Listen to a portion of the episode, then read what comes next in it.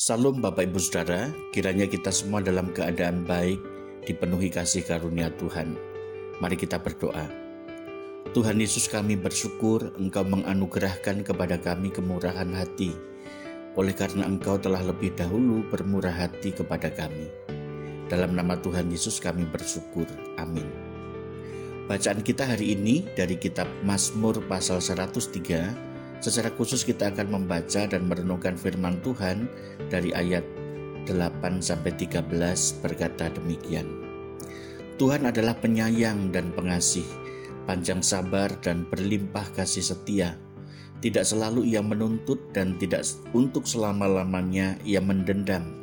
Tidak dilakukannya kepada kita setimpal dengan dosa kita dan tidak dibalasnya kepada kita setimpal dengan kesalahan kita tetapi setinggi langit di atas bumi, demikian besarnya kasih setianya atas orang-orang yang takut akan Dia. Sejauh timur dari barat, demikian dijauhkannya daripada kita pelanggaran kita. Seperti Bapa sayang kepada anak-anaknya, demikianlah Tuhan sayang kepada orang-orang yang takut akan Dia. Panggilan untuk bermurah hati kepada sesama Murah hati bukanlah sifat natur kita. Secara natur, keinginan hati kita bersifat egosentris.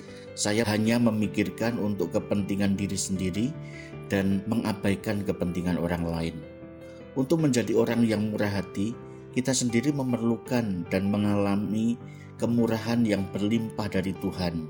Sebab yang menghalangi kita menjadi orang yang murah hati adalah diri kita sendiri sangat mustahil kita bisa memikirkan panggilan Tuhan untuk menjadi alat kemurahannya tanpa memahami dan mengalami pengajaran dalam perumpamaan Yesus yang menyentuh tentang pengampunan. Kalau kita membandingkan dengan Matius 18 ayat 21 sampai 35. Ada dua alasan mengapa Kristus mengajarkannya kepada murid-muridnya. Pertama, untuk menyingkapkan inti di balik pertanyaan Petrus. Tuhan, sampai berapa kali aku harus mengampuni saudaraku? Pertanyaan itu membuktikan kurangnya kemurahan hati. Alasan kedua, Kristus hendak membuka hati kita. Kita semua adalah hamba yang tidak adil. Kita bergembira atas kemurahan Allah, tetapi bersikap kasar terhadap orang lain yang melakukan kesalahan terhadap kita. Bahkan membalasnya dengan berlipat kali. Ketika kita mulai mengingat bahwa kemurahan Allah adalah satu-satunya harapan dan merenungkan kebesaran anugerahnya yang telah dicurahkan kepada kita, akan timbul dalam diri kita untuk membantu orang lain supaya merasakan kemurahan yang sama. Saat kita lupa akan anugerah yang telah kita terima, kita cenderung sulit bermurah hati kepada orang lain. Setiap hari kita memerlukan karya anugerah Allah untuk bisa mengerjakan kemurahannya.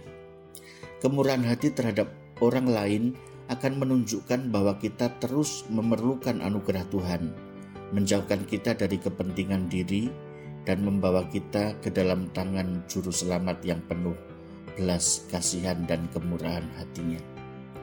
Mari kita berdoa.